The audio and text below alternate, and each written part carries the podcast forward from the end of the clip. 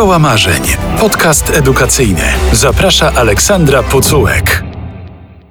Dzień dobry, zapraszam na kolejny odcinek podcastu Szkoła Marzeń i dziś chciałabym, żebyśmy rzeczywiście trochę powiedziały, jakby to mogło być w idealnej szkole w wypadku przedmiotu, który większość naszych obecnych rządzących przyprawia o gęsią skórkę, dreszcze, palpitacje i pewnie jeszcze sporo niezdrowych objawów, ale chciałabym, żebyśmy obaliły też kilka mitów. A pomoże mi w tym Anna Jurek, edukatorka seksualna, filozofka z łódzkiej fundacji Spunk. Dzień dobry. Dzień dobry. Już chyba wiadomo, że przedmiotem, o którym dziś porozmawiamy, jest edukacja seksualna. Zacznę trochę jak w antyszkole marzeń. Nie wiem, czy mi się to uda, ale spróbuję spytać językiem naszego ministra edukacji. Aniu, demoralizujesz dzieci? Tak. O nie.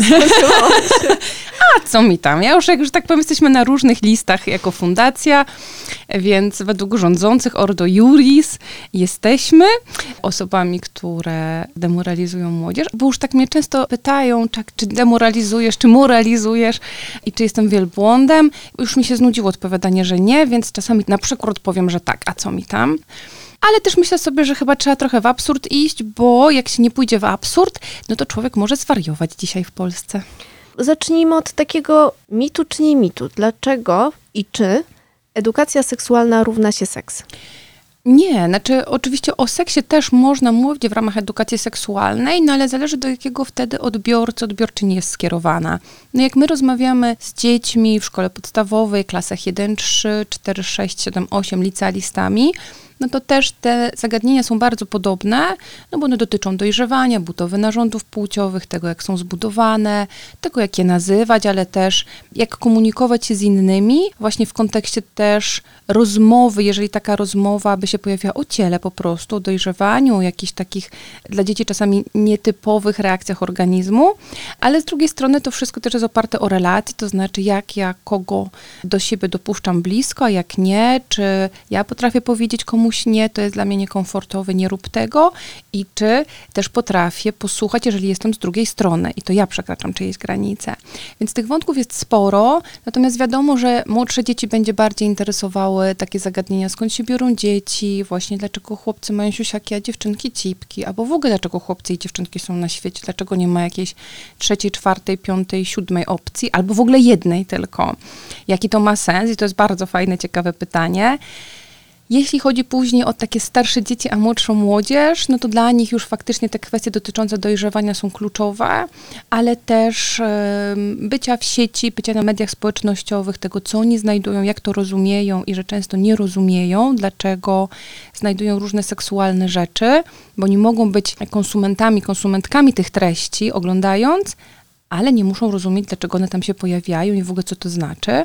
No i później już starsza młodzież faktycznie bardziej antykoncepcja, bardziej choroby przenoszone drogą płciową, też te kwestie związane z płcią, orientacją seksualną, no bo to jest coś takiego, co wybija się na plan pierwszy dla nich wtedy, kiedy się rozwijają, więc wszystkie te kwestie, które są bardzo aktualne na danym etapie rozwojowym są najważniejsze dla danej grupy. Zanim jeszcze przejdziemy do szczegółów, jak te lekcje wyglądają, jakie dokładnie tematy poruszacie, bo chciałabym bardzo dokładnie o tym powiedzieć, żeby wszystkie te wątpliwości rozwiać, to powiedzmy jeszcze raz zasady organizowania zajęć edukacji seksualnej w szkołach. Zanim zaczniecie lekcje z uczniami, jakie są procedury, jak to wygląda.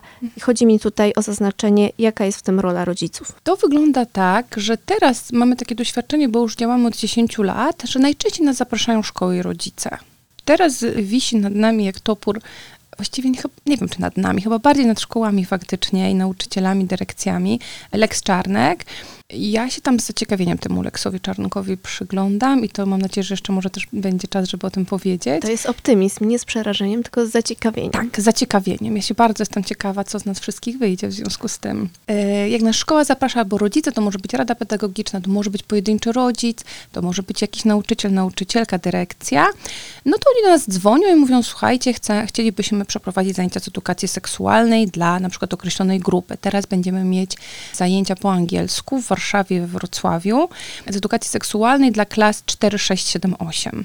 Więc my przesyłamy program, czyli spis zagadnień. E, mówimy też oczywiście, że zgoda dla rodzica jest super ważna. Dla nas jest ważna wtedy, kiedy realizujemy program miejski jako zadanie publiczne, no bo my musimy się przed urzędem rozliczyć z tych zgód.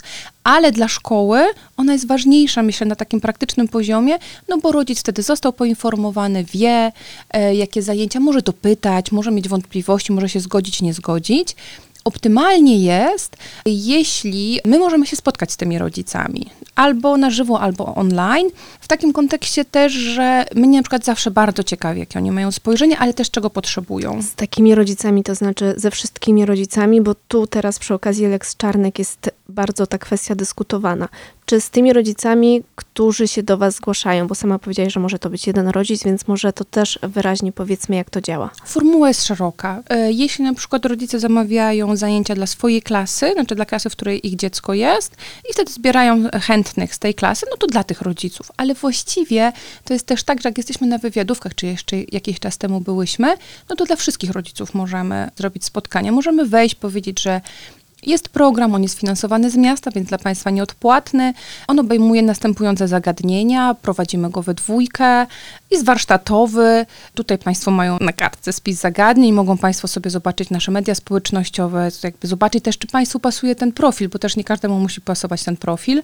I też zobaczyć, jak mówimy, w obrębie jakich wartości się poruszamy, ale w obrębie też jakich zagadnień, czy mamy właśnie, czy jesteśmy bardziej wykładowi, czy bardziej warsztatowi.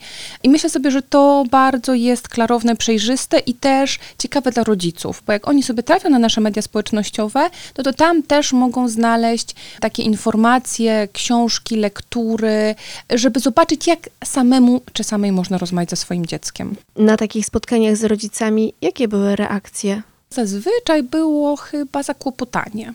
To znaczy, widać po rodzicach, to jest super ciekawe też, że wchodzisz do grupy, której nie znasz, oczywiście masz jakiś pobieżny wygląd w nich, albo sobie im się przyglądasz i jakby dosyć łatwo jest, jesteś w stanie rozpoznać, co oni sobie myślą. Oczywiście ja się mogę mylić, ale widać po nich trochę zakłopotanie, trochę takie, że oni się obśmiewają z tego tematu, żeby właśnie to zakłopotanie zakryć.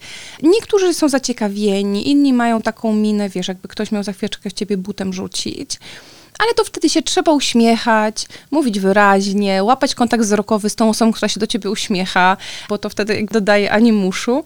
Wracając do tej procedury, rozmawiacie, spotykacie się z tymi rodzicami i co potem? Wypełniają jakieś zgody, oświadczenia i zaczynają się lekcje? Jak to wygląda? Tak, mamy zgody, które są takie standardowe i te zgody zostawiamy. To znaczy, no, też unikamy takich sytuacji, one nam się też nie zdarzają, żeby ktoś musiał wypełnić na miejscu. I wtedy ja przychodzę, mówię o tym programie i zabieram od razu te zgody. Nie, bo oni sobie mają czas, żeby przemyśleć, żeby przedyskutować, a może z panią wychowawczynią przedyskutować. Mieliśmy taką cudowną sytuację w jednej z łódzkich podstawówek z panią Ewą, która zgłosiła się do nas przez Instagram i która mówiła właśnie, słuchajcie, ja bardzo potrzebuję, przyjdźcie. Dała nam konkretną datę wywiadówki.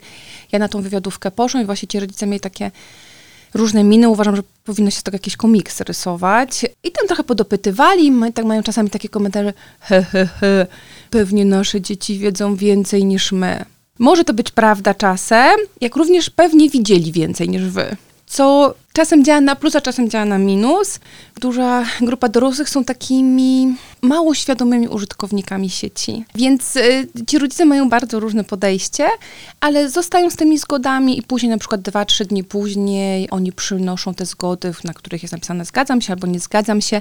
Bardzo mało mamy zgód w ogóle w historii, w których ktoś się nie zgodził albo w których jakieś dziecko wypada z danej grupy. Myślę, że dużą rolę też odgrywa pani nauczycielka, pani wychowawczyni, bo pani Ewa, która nas zaprosiła, była super wspierająca. Ona wpadła na ten pomysł, ona to zorganizowała i później miała też taką refleksję, że ci rodzice poszli do domu i mówią, no tam do swoich dzieci, no słuchajcie, tam takie zajęcia o dojrzewaniu, ale mi się chyba nie za bardzo wydaje, że one są dla was. A te dzieci powiedziały, nie, one są dla nas, my chcemy na nie iść. I pani Ewa powiedziała, matko jedyna, jak dobrze, że te dzieci troszeczkę mądrzejsze od tych swoich rodziców w tym temacie. Słuchasz podcastu Radia Z. Trochę powiedziałaś już o tematach i kwestiach, jakie są poruszane, Ale chciałam spytać, jak prowadzicie te zajęcia? Czy to jest rozmowa, czy macie podręczniki i jeszcze trochę więcej o tych tematach, jakie są poruszane, od tych najmłodszych klas do tych najstarszych? Wiesz co, nie mamy podręczników, bo my się sami byśmy byli znudzeni. Robimy warsztatowo te zajęcia, czyli we współpracy z młodzieżą. Zawsze umawiamy się na kontrakt i to zawsze zapowiadamy też, że to jest super ważne, żeby oni się nie nudzili na tych zajęciach, no bo to jest ich czas, to jest jakieś kilka godzin z ich życia, które dobrze by było, żeby były dobrze przeżyte.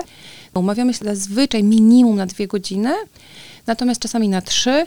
No niestety projekt ten miejski trwa 8 godzin, ale on powinien tak naprawdę trwać przez cały rok, nie? Albo w ogóle przez całe, przez całą szkołę.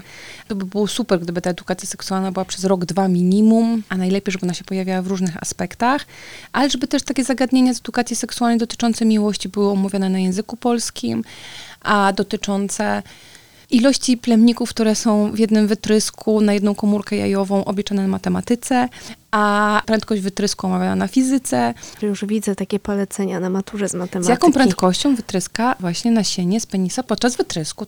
Wielka Księga Siusiaków mówi, że to jest chyba 30-40 km na godzinę, czyli jest szybsze od motoroweru. Większość rozwiązałoby to zadanie dobrze, bo to jednak zapamiętuje się. Tak, bo to jest praktyczna wiedza. I oni wtedy pytają, no jeżeli z taką prędkością, no to jak to jest możliwe, że ta prezerwatywa nie jest przebita? To jak one są zrobione, że one faktycznie chronią? No i tu mamy całe zagadnienie dotyczące w ogóle biologii, no ale biologii dotyczą wszystkie te zagadnienia dotyczące ciała, budowy ciała, tego jak ono się zmienia w trakcie dojrzewania, jak zaczynają pracować narządy płciowe i dlaczego one tak pracują, dlaczego są zbudowane tak, a nie inaczej, że pochwa jest tunelikiem, a penis jest taką wystającą częścią ciała człowieka ściętą na czubku no to wszystko, jak się okazuje, jak się to naprawdę się temu przyjrzysz, to ma ogromny sens, taki ewolucyjny, biologiczny i nagle to dojrzewanie, wiesz, ono nie, nie jest takie straszne i koszmarne i nie wiadomo skąd się co bierze, tylko masz więcej wiedzy, więc rozumiesz lepiej siebie w tej sytuacji. O co najczęściej uczniowie pytają, bo rozumiem, że mogą też zaproponować jakiś temat, dziedzinę, o której chcieliby porozmawiać, albo więcej poświęcić jej czasu. Mogą zaproponować, ale to też jest tak, wiesz to, że ten program jest tak skonstruowany, że on był tworzony we współpracy z młodzieżą,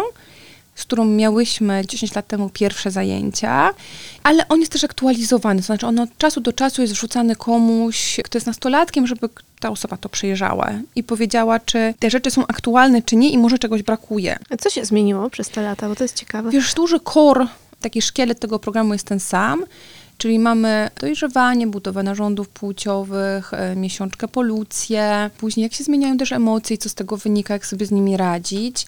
O tym, że się przebudowuje mózg, to jest moim zdaniem taka wiedza, że kiedyś bardzo wiązano dojrzewanie takie emocjonalne i takie burzli, to burzliwość tego dojrzewania z hormonami, a teraz neurobiolodzy wiedzą, że ono jest bardziej związane z tym, że mózg się bardzo intensywnie przebudowuje, on się jakby od tyłu przebudowuje do przodu i też niektóre połączenia są cięte, a inne się dopiero tworzą, więc jak czasami na nastolatek mówi, że on nie wie, dlaczego coś zrobił, to on nie wie, dlaczego coś zrobił. Po prostu te kulki się nie spotkały w głowie.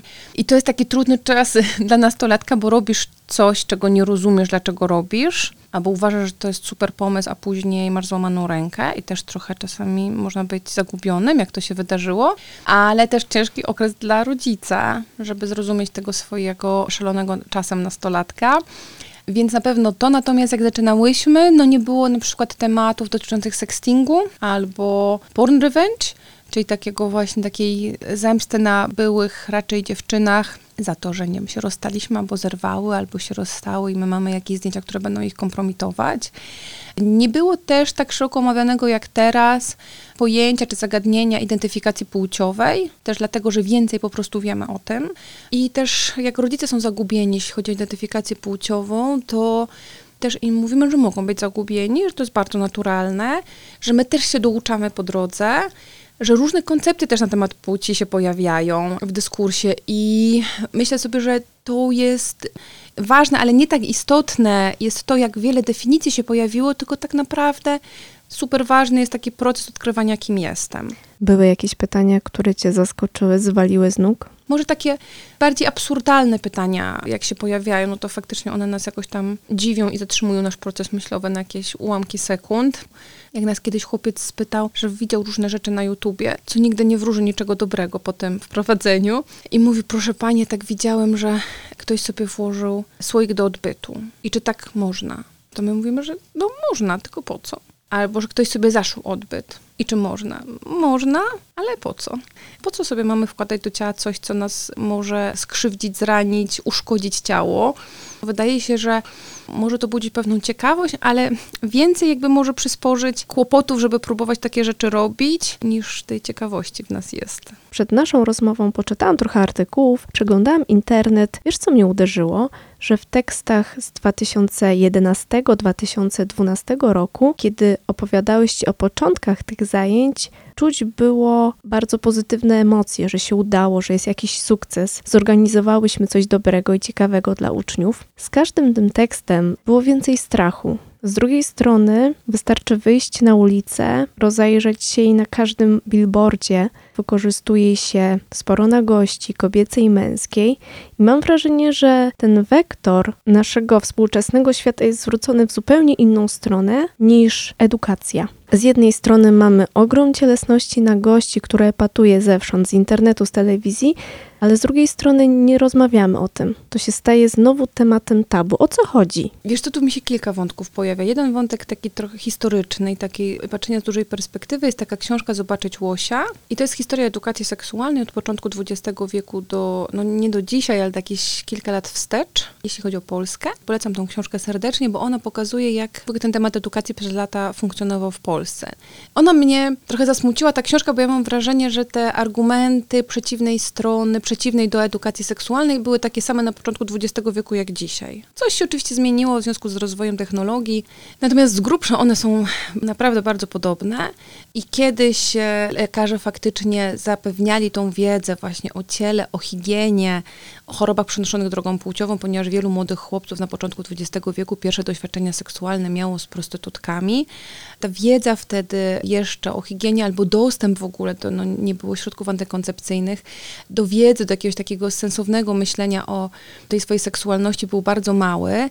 Później to się trochę zmieniało, ale to zawsze była taka fluktuacja, wiesz, trochę lepiej, trochę gorzej. I mamy jakąś nadzieję oczywiście, no bo im dłużej żyjemy, to mam nadzieję, że to wszystko będzie jakoś się bardziej rozwijać i też jak ja byłam w liceum, to myślałam, że wiesz, Unia Europejska to jest szczyt marzeń i kres naszej podróży demokracji. No i jeszcze Fukuyama pisał, że jest koniec historii, no za koniec historii, no to już chyba teraz tylko kraina miodem i mlekiem płynąca. No jak się okazało, nie, że jakby historia jest bardzo taka dynamicznie się zmienia.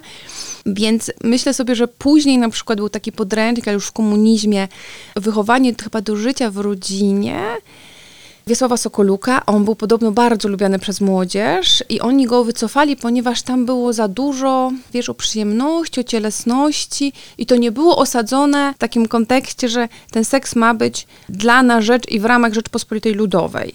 No i to się władzy nie spodobało. Więc oni go wycofali, młodzież o niego walczyła, ale on nie wrócił. Później przyszedł 89, no i myśmy tak, wiesz, z utęsknieniem patrzyli tam na zachód, w ogóle na Stany Zjednoczone, na Francję, Niemcy. Faktycznie było Unia Europejska i NATO i gdzieś tam byliśmy po drodze i mieliśmy taką nadzieję, że ten rozwój będzie cały czas jakby postępował. Natomiast też mi się wydaje, że wielu rzeczy nie przewidzieliśmy, również takich historyczno-społecznych, jeśli chodzi o historię Polski.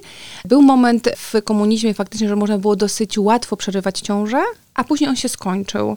I tą ciążę można było przerywać w poradniach, po prostu po konsultacji i nikt nie myślał wtedy o życiu poczętym, bo to też nie były takie czasy, żeby one były jakieś bardzo religijne. U nas religia akurat, Kościół był po stronie opozycji, więc jakby ta historia tego, że myśmy mieli dwie wojny światowe, później mieliśmy komunizm, że Kościół wspierał bardzo działania opozycyjne, że bardzo konkretne umowy były zawarte i konkordat. Mam wrażenie, że trochę związał ręce polityką polityczką, ale myśmy też nie byli postępowi w myśleniu. Też komunizm bardzo odciął od tego, co się działo na świecie. Myśmy nie przeszli przecież rewolucji seksualnej, więc to wszystko bardzo pokutuje. No i też widać, że ten impas, w którym jesteśmy teraz, to znaczy takie bardzo mocne nasilenie takich ruchów y, czy myśli konserwatywnej, takiej radykalnej, nie wspiera nas w tym, żeby sobie swobodnie, przyjemnie, otwarcie myśleć o seksualności. Ci wszyscy politycy, o których mówiłaś, że im się tam nogi trzęsą od tej edukacji seksualnej, myślę, że im się nie trzęsą. Myślę, że mają ją głęboko gdzieś. To jest po prostu gra polityczna, że to jest jakiś temat, na którym można różne rzeczy wygrywać. I on też, tak jak zawsze z tematem aborcji jest, on maskuje różne inne rzeczy. Łatwiej jest rozmawiać na temat edukacji seksualnej i seksualizacji niż tego, co powoduje właściwie Polski Ład dla małych na przykład firm, jednoosobowych działalności gospodarczej. Że nawet tutaj, jak się nie ma jakiejś podstawowej wiedzy, to nawet trudno głupotę powiedzieć. A głupotę powiedzieć, chodzi o edukację seksualną, aborcję, no to jest bardzo łatwo i też taka tendencja w ogóle ludzka do tego, że nam dużo łatwiej przychodzi mówienie głupot niż mądrych rzeczy. Jeszcze mówienia słów, których nie rozumiemy, albo zmieniamy im znaczenie. Tak, albo myślimy, że one coś znaczą. Nam się coś wydaje, no więc wtedy idziemy z tym słowem na sztandary. No bo widzimy, że mając to słowo i szafując nim w określonych kontekstach, my możemy ludzi przerazić, zastraszyć, jakby spowodować, że oni właśnie będą się bali czegoś, a też jak ludzie się boją, wiesz, to łatwiej o to, żeby czegoś nie robić, albo robić takie rzeczy, których byśmy się po sobie nie spodziewali. To też jest pytanie, nie? Czy władzy zależy na tym, żeby rządzić ludźmi ze strachu, czy jakoś we współpracy? A wyjaśnimy jeszcze to słowo, które jest na sztandarach obecnie, czyli seksualizacja dzieci. Z tą seksualizacją jest tak, że to jest e, z definicji pokazywanie czyjegoś ciała, to mogą być również ciała dzieci, ale najczęściej to są kobiety, ale też mężczyzn, w takim kontekście, że ono nam jednocześnie narzuca takie rozumienie seksualne, erotyczne, i że my się tak bardzo skupiamy na tej warstwie, że nie myślimy sobie nic innego o tej osobie. Czy ona ma jakieś zainteresowania, czy ona jest fajną osobą, miłą, ma jakieś relacje z innymi, ma jakieś życie emocjonalne. Czyli to, co się wybija na pierwszy plan, to jest to, że ta osoba jest super seksowna. I do tego się przywiązuje dużą wartość.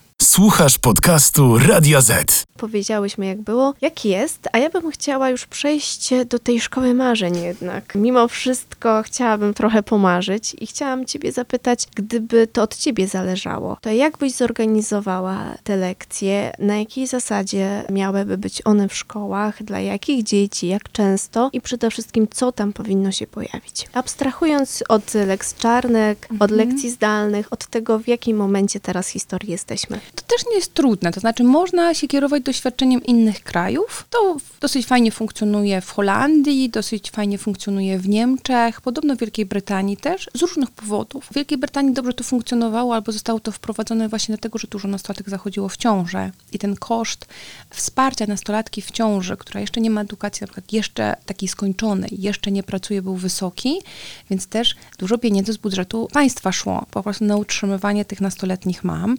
W Holandii natomiast, jak byłam no, kilka lat temu już na takiej wizycie studyjnej, no to dla nich na przykład super ważne było to, że jak ktoś się do nich przeprowadza z innego kraju, no to że ta osoba jest po prostu poddana różnym badaniom, żeby czy ta osoba jest zdrowa, żeby ją poinformować, gdzie może się zbadać, gdzie może się skonsultować z lekarzem, na przykład też w kontekście chorób przenoszonych drogą płciową i HIV.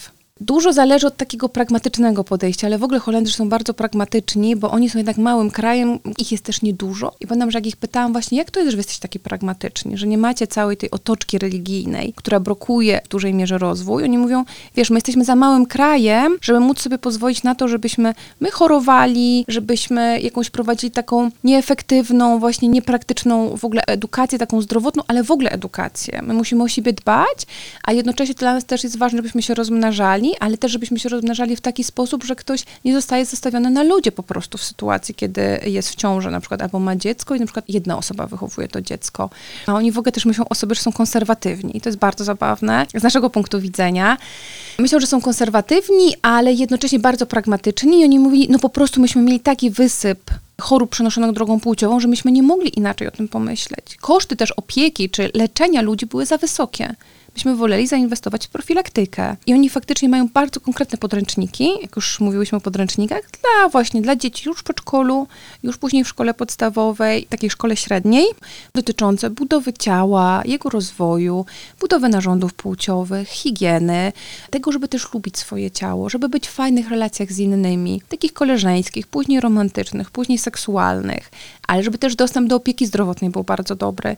Wczoraj robiąc USG piersi, pytałam panią w rejestracji o to, czy u nich można młodym dziewczynom, nastolatkom zakładać spiralki, to znaczy wkładki domaciczne. Bo mnie mama pytała jedna, zadzwoniła do mnie i mówi, ja jestem z Ksawerowa, mam nastolatkę, tak zdecydowałyśmy, żeby ona się zabezpieczała, ale nie chcemy hormonalnych brać. Czy pani może mi powiedzieć, gdzie można wkładkę domaciczną założyć? I ja mówiłam, że to jest złożona kwestia. Lekarze są bardzo podzieleni, jeśli chodzi o te wkładki dla osób, które jeszcze nie rodziły. I pytałam wczoraj właśnie w tym NFZ, czy oni zakładają i pani powiedziała mi, wie pani co, raczej nie zakładamy, ale można się konsultować tutaj, natomiast proszę zadzwonić do Centrum Zdrowia Matki Polki. Tam jest przychodnia dla dziewczynek. Ja mówię, proszę pani, ja się tam nigdy w życiu nie dodzwoniłam. Jak ja sobie myślę, że ja bym była w jakąś mamą, która mieszka w Kurowicach na przykład, do których kiedyś jeździliśmy na zajęcia, ale jeździłyśmy tam autobusem, jakąś chyba godzinę, czy może nawet dłużej. Ja bym miała ze swoją nastolatką przyjeżdżać do Łodzi, do Centrum Zdrowia Matki Polki, żeby zasięgnąć jakiejś opinii, że jeżeli to nie jest, nie wiem, jelito, jakieś sprawy mięśniowe, a to jest być może właśnie jajniki, jajowody, macica, to ja się nawet nie jestem w stanie dodzwonić do nich. No i pani pokiwała głową, jak z takim, e, widać znajomością tematu, że tak, słyszała, że tak jest. No więc to jest jakiś dramat. Więc wiesz, no to jak myśmy były, akurat wtedy byliśmy w Amsterdamie i mieliśmy takie oprowadzenie po takiej klinice i tam było tak, że tu są lekarze, tu są lekarki. Tutaj jak się ma tam 15 lat, to można sobie przyjść na wizytę bez zgody rodzica. I myśmy byli tacy zaskoczeni, jak to bez zgody rodzica? Tak, żeby ta dziewczyna miała jak najłatwiejszy dostęp do lekarza. No ale no to czy rodzic nie musi wyrażać zgody? No mówi, no to jest jej ciało, ona może decydować, no ale nasi lekarze to są lekarze, którzy mają za zadanie jak najlepiej wesprzeć osobę w danym wieku. Więc jakby takie zaufanie też do drugiej osoby, zaufanie do siebie nawzajem, takie zaufanie społeczne mam wrażenie, to to jest super ważna rzecz, więc ty mówisz o szkole marzeń, ja z drugiej strony mam takie poczucie, że ta szkoła marzeń oczywiście to jest edukacja seksualna dopasowana do rozwoju dziecka w całej podstawówce, być może już też w przedszkolu, w takim bardzo podstawowym zakresie, że już wtedy dzieci wiedzą, czy są chłopcami, czy dziewczynkami, czy jeszcze inaczej mają. Ale już wtedy poznają swoje siusiaki, swoje cipki, czy waginki, jak ktoś tam sobie używa różnych słów, ale też sikają razem, więc widzą te narządy. Więc to też jest ważne, że ktoś potrzebuje się wysikać sam, a nie żeby ktoś mu tam zaglądał przez dziurkę od klucza i mu tam nie dawał spokoju. To są też takie rzeczy związane z masturbacją w przedszkolu, że nauczycielki powinny i nauczyciele powinni wiedzieć, jak reagować, jak rozmawiać z rodzicami na ten temat, czy to jest pokojące, czy niepokojące. Z drugiej strony, jak budować te relacje między dziećmi, jak mówić o tej seksualności i ciele, żeby im układać to tak mądrze w głowie i też bardzo spokojnie. Później mamy podstawówkę, czyli właśnie cały czas jesteśmy w tym obszarze ciała. Ciała, higieny, jego budowy, też relacji z innymi. I teraz coraz częściej mediów jednak, bo coraz młodsze dzieci mają dostęp do pornografii, no więc też takiego umiejętnego osadzania cielesności i golizny w różnych kontekstach.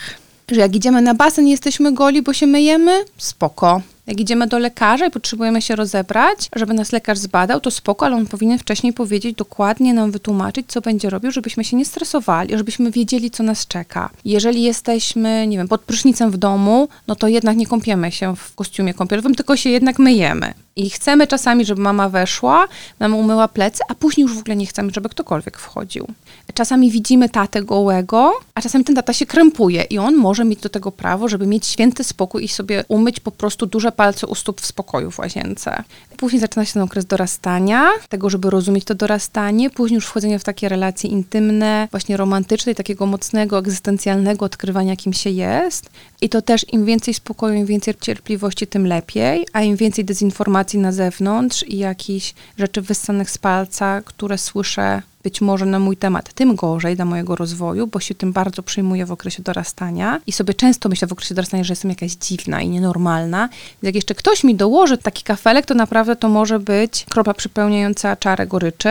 Później wchodzą całe zagadnienia dotyczące jeszcze wcześniej właściwie orientacji seksualnej, identyfikacji płciowej i tu jest bardzo dużo badań prowadzonych też na bieżąco, bardzo ciekawych.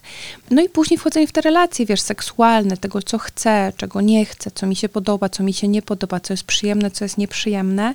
Jest taki super też film, taka krótka animacja na TED Ed, Science of Attraction, czyli jak to się dzieje, że my się w kimś zakochujemy. Co te dwa mózgi, jak się spotykają w tych ciałach, co one tam wytwarzają, że my się sobie podobamy. To jest super ciekawe. I też są fajne dyskusje na temat, czy już ta chemia mózgu odpowiedzialna za miłość, to już jest obdarcie tej sytuacji miłosnej z jakiegoś romantyzmu, czy nie.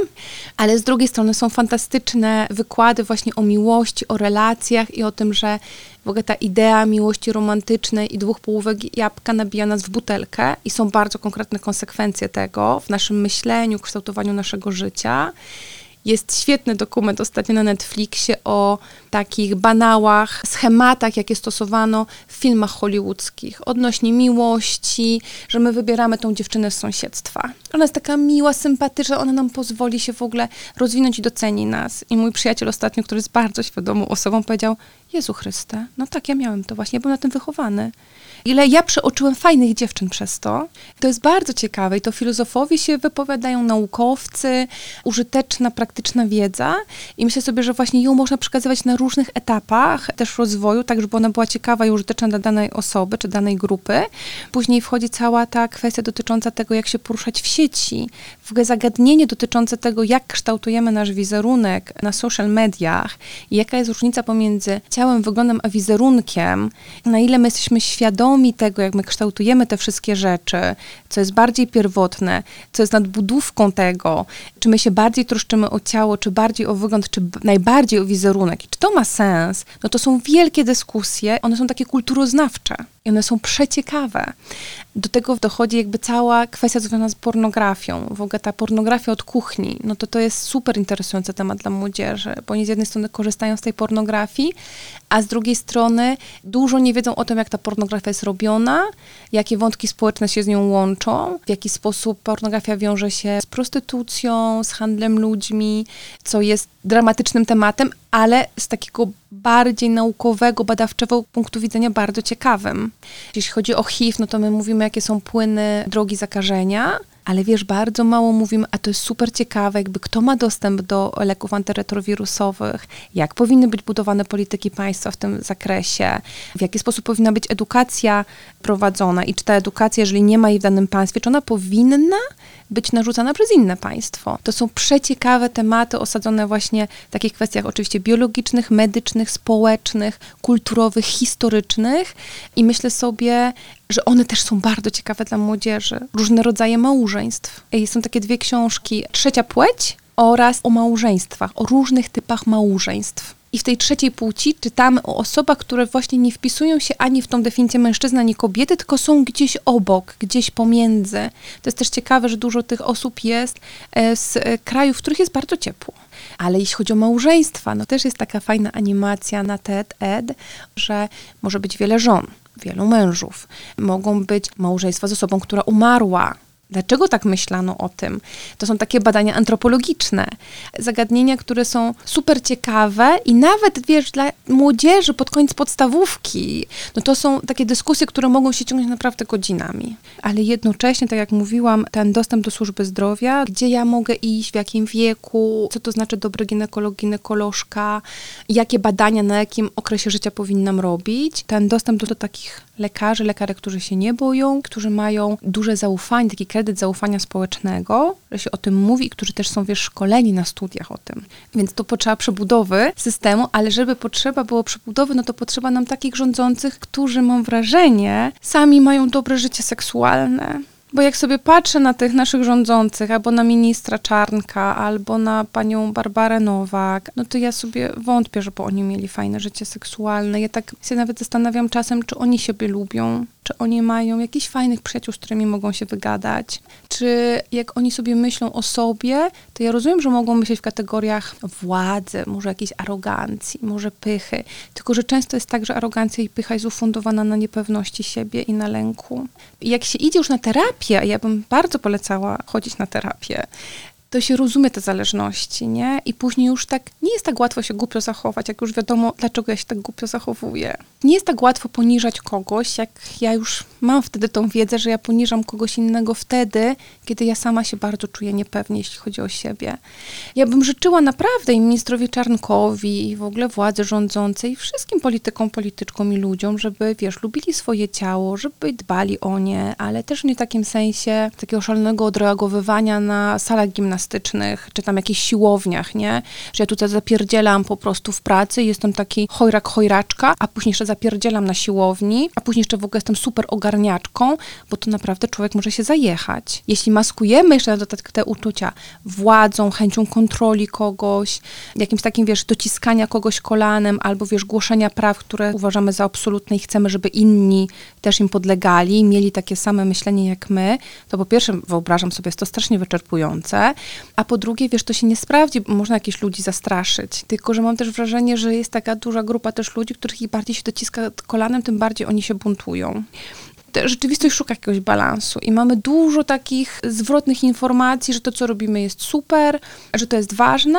Edukacja seksualna jako osobny przedmiot, czy właśnie jej elementy na innych przedmiotach, czy może tak i tak? Osobny przedmiot, ale też jej elementy, nie wiem, na biologii polskim. Myślę, że punktem wyjścia byłoby lepiej chyba na ten moment, czy lepiej zacząć od tego, żeby ona była oddzielnym przedmiotem, a po drodze po prostu szkolić nauczycieli na temat tego, jak oni mogą, w jakich momentach wprowadzać wątki właśnie dotyczące seksualności w innych przedmiotach, no ale to musiało być robione już na studiach. Dużo jest wątków z edukacji seksualnej do poruszenia na WF-ie w kontekście higieny rozwoju ciała, takich prostych rzeczach, moim zdaniem, jak, jak sobie dobrać dobry stanik do biegania, kiedy ma się duży biust. Czy faktycznie ta miesiączka powinna sadać mnie na ławce, czy nie powinna sadać? I ja wiem, że pamiętam, że myśmy mocno manipulowały też tym. W kontekście stroju, no to dowiadujemy się z co niektórych szkół, że trzeba zachować odpowiednią długość spodenek, żeby chłopcy nie reagowali, nie zwracali uwagi na Ale ja bym też apelowała do odpowiedniej długości spodenek dla chłopców, żeby mnie ich dędające penisy nie rozpraszały kiedy ja tutaj właśnie robię jakieś stanie na głowie, a oni tutaj biegają w kółko. A może jakby zostawmy te majtki w spokoju fizycznym, tylko jakby pomyślmy sobie, tak rozwijamy się, nasze ciało się zmienia i czasami możemy mieć jakieś zawieszenie systemu, kiedy patrzymy na kogoś, bo nam się różne rzeczy dzieją w ciele, których nie rozumiemy może, ale to jest wszystko ok, no tylko jakby funkcjonujmy jakoś życzliwie w stosunku do siebie. Mogłyby być takie elementy właśnie na WF-ie i na biologii, i na fizyce, i na języku polskim. Myślę, że na matematyce też by się jakieś znalazły. Na chemii, jeśli chodzi o chemię mózgu, super ciekawe wątki.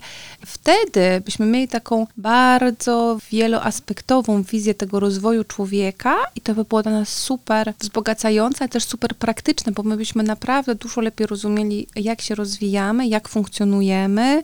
To by nam naprawdę pomogło funkcjonować również w relacjach takich osobistych, bo mam wrażenie, wiesz, że jesteśmy w takim momencie, w którym mamy COVID, ale też dużo się mówi o apokalipsie klimatycznej, już nie, nie zmianach klimatu, tylko apokalipsie, więc myślę, że to rozumienie siebie w kontekście tego, kim jestem, gdzie jestem, w jakie relacje wchodzę z innymi, będzie super kluczowe. Nie tyle, czy my tam potrafimy obsługiwać jakiś komputer, pewnie dla różnych specjalizacji też ale pytanie brzmi, jeśli chodzi o kompetencje, w które warto inwestować na przyszłość, czy faktycznie zasoby naturalne się nie zużyją na tyle, że różne rzeczy już nie będą możliwe, albo będą możliwe w dużo bardziej ograniczonym zakresie, jak na przykład utrzymywanie wielkich serwerowni. A te no. społeczne kompetencje, one zawsze będą w cenie. Czy młodzież rozumie siebie? Czy rozumieją, co się z nimi dzieje? Proces rozumienia siebie przychodzi w latach, nie? Więc czy oni siebie rozumieją? Oni są w takim momencie życia, w którym oni siebie nie rozumieją. Umysł może rozumieć to, co jest na zewnątrz, ale czasami ma kłopot z rozumieniem samego siebie. I to jest bardzo, bardzo dobitne w okresie dorastania, że my mamy kłopot z rozumieniem siebie, swoich emocji, emocji innych. Te reakcje emocjonalne są wyolbrzymiane w mózgu nastolatka, więc stąd te wszystkie przejścia od rozpaczy do euforii. Z drugiej strony też jest tak, oni są w takiej fazie egzystencjalnej, moim zdaniem. Czyli zadają sobie pytania, kim jestem, jakie to wszystko ma sens, czy w ogóle życie ma znaczenie i ma sens, czy są jakieś absolutne wartości, którymi warto się kierować. To jest super ciekawe, bo to mam wrażenie, że tego się powinni dorośli od nich uczyć. Natomiast to, czego im bardzo potrzeba i o czym mówią, to jest rozmowa. Czy oni mają jakieś wiadomości, chcieliby je przegadać, przedyskutować, mają jakąś wiedzę, ale to, czego potrzebują, to spojrzeć na to z różnych punktów widzenia i znaleźć na ten moment coś, co dla nich trafia, co jest ich. Temu między innymi służy edukacja seksualna? Tak, ona powinna temu służyć, natomiast nie zawsze służy, ponieważ nie zawsze jest czas prostu na to, żeby wszystko przekazać. Powiedziałyśmy o tym, e, jak jest, czego brakuje, jak by mogło być, a teraz chciałabym, żebyśmy połączyły to jakoś w jedno i w tej naszej rzeczywistości, w jakiej jesteśmy, żebyśmy trochę rzuciły most i powiedziały, co mimo wszystko dyrektorzy, nauczyciele, rodzice mogą zrobić, żeby z tego trochę czerpać. Najwięcej wolności w tym mają rodzice. To znaczy, my jesteśmy otwarte na to, żeby omówić zajęcia, zajęcia zorganizować albo pomóc rodzicowi je zorganizować.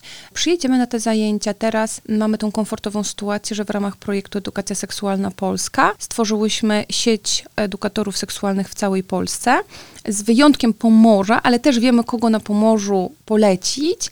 Niekoniecznie my musimy wszędzie jeździć, bo my już po prostu nie damy rady jeździć.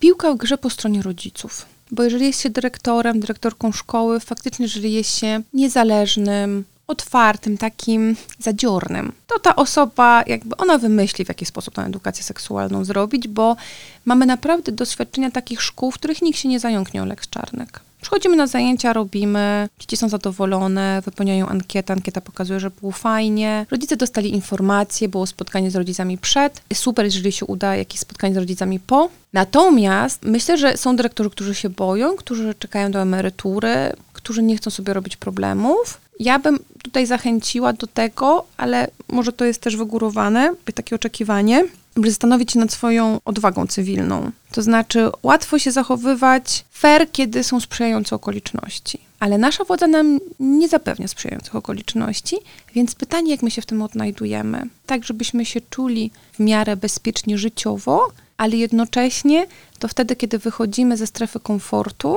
wtedy jakby sprawdzamy siebie, na co nas stać i wtedy się rozwijamy. No więc pytanie, czy jesteśmy w stanie podjąć taką decyzję. Wiesz, żeby w tym całym szaleństwie zachować jakiś e, zdrowy rozsądek, ale mieć chyba też takie otwarcie na to, że ja się mogę w tej sytuacji sprawdzić. Jasne, że to jest mi łatwo mówić, bo ja nie jestem na przykład dyrektorką szkoły, którą prowadzę od lat i ja mogę być odwołana przez kuratora. No ale też myślę sobie, jeżeli ja jestem dyrektorką i faktycznie mi na dzieciach zależy, to ja wiem, że ta edukacja seksualna jest ważna. Jako nauczyciele, nauczycielki myślę, że cały czas możemy przekazywać takie treści, które uważamy za ważne. Może być w porozumieniu na przykład z dyrekcją szkoły, ale można również moim zdaniem cały czas oferować rodzicom na wywiadówkach. Można mówić, słuchajcie, są zajęcia z edukacji seksualnej, są organizacje, które tę rzecz działają, rozważcie, czy chcecie. Jeśli nie w szkole, może poza szkołą. To jest moim zdaniem też doskonały moment na to, ażeby się samoorganizować. Ja wiem, że jest ciężko, że jest COVID, że Polski Ład nadszedł, że jest bałagan, jeśli chodzi o płacenie i wybór na przykład opodatkowania, jeżeli ktoś prowadzi firmę i że w ogóle no, codzienność potrafi przytłoczyć, ale z drugiej strony, no, zakładając, że mamy jedno życie, fajnie byłoby zastanowić się, co jest ważne, co jest też ważne dla mojego dziecka i albo zorganizować te zajęcia dziecku, nie wiem, nawet poza szkołą. Mieliśmy takich rodziców, którzy organizowali się po prostu poza szkołą, myśmy im też pomagali znaleźć lokal, również rodzice sami mogą się dokształcać. Znaczy, oni mogą zorganizować warsztat dla siebie, żeby oni potrafili lepiej rozmawiać o seksualności ze swoimi dziećmi, o dojrzewaniu, o ciele, o relacjach. Przez to sami się rozwijają, mogą mieć takie poczucie, że są fajnymi rodzicami, ponieważ o to dbają i dbają nie tylko o to, żeby dziecko miało co jeść, było obute i ubrane, ale też, że na przykład jest fajnym kolegą, fajną koleżanką. To jest tak, że dopóki nie ma wojny, dopóki faktycznie mamy co jeść, to największą bolączką i największym sukcesem ludzkim są relacje z innymi. To, że nasz szef zdenerwował, to nasza koleżanka głupoty gada obok, to my o tym mówimy. Ale mówimy też o tym, że ktoś nam bardzo pomógł i my to doceniamy. Więc myślę sobie inwestować w te relacje z innymi i zastanawiać się, jak obejść system jednak, a przy tym zachować poczucie humoru i jakiś dystans, żeby nie zwariować, ale wiesz, czym to też skutkuje moim zdaniem? Znajdowaniem ludzi, z którymi nam jest po drodze. A jak mamy już tych ludzi, z którymi nam jest po drodze, to my możemy i z nimi imprezować, i możemy sobie jechać na wakacje, i możemy organizować zajęcia z edukacji seksualnej. I o to apelujemy do rodziców, dyrektorów, nauczycieli, żeby rzeczywiście przy zachowaniu humoru szukali tych możliwości. Bardzo dziękuję za dzisiejszą rozmowę i za ten ogrom wiedzy i humoru, który nam dzisiaj dostarczyłaś. Dziękuję bardzo. Dziękuję bardzo. A więcej naszych podcastów, także Szkoły Marzeń, można znaleźć na radiozetplayer.pl i na Spotify. Do usłyszenia. Szkoła Marzeń. Podcast edukacyjny. Więcej podcastów na player radioz.pl.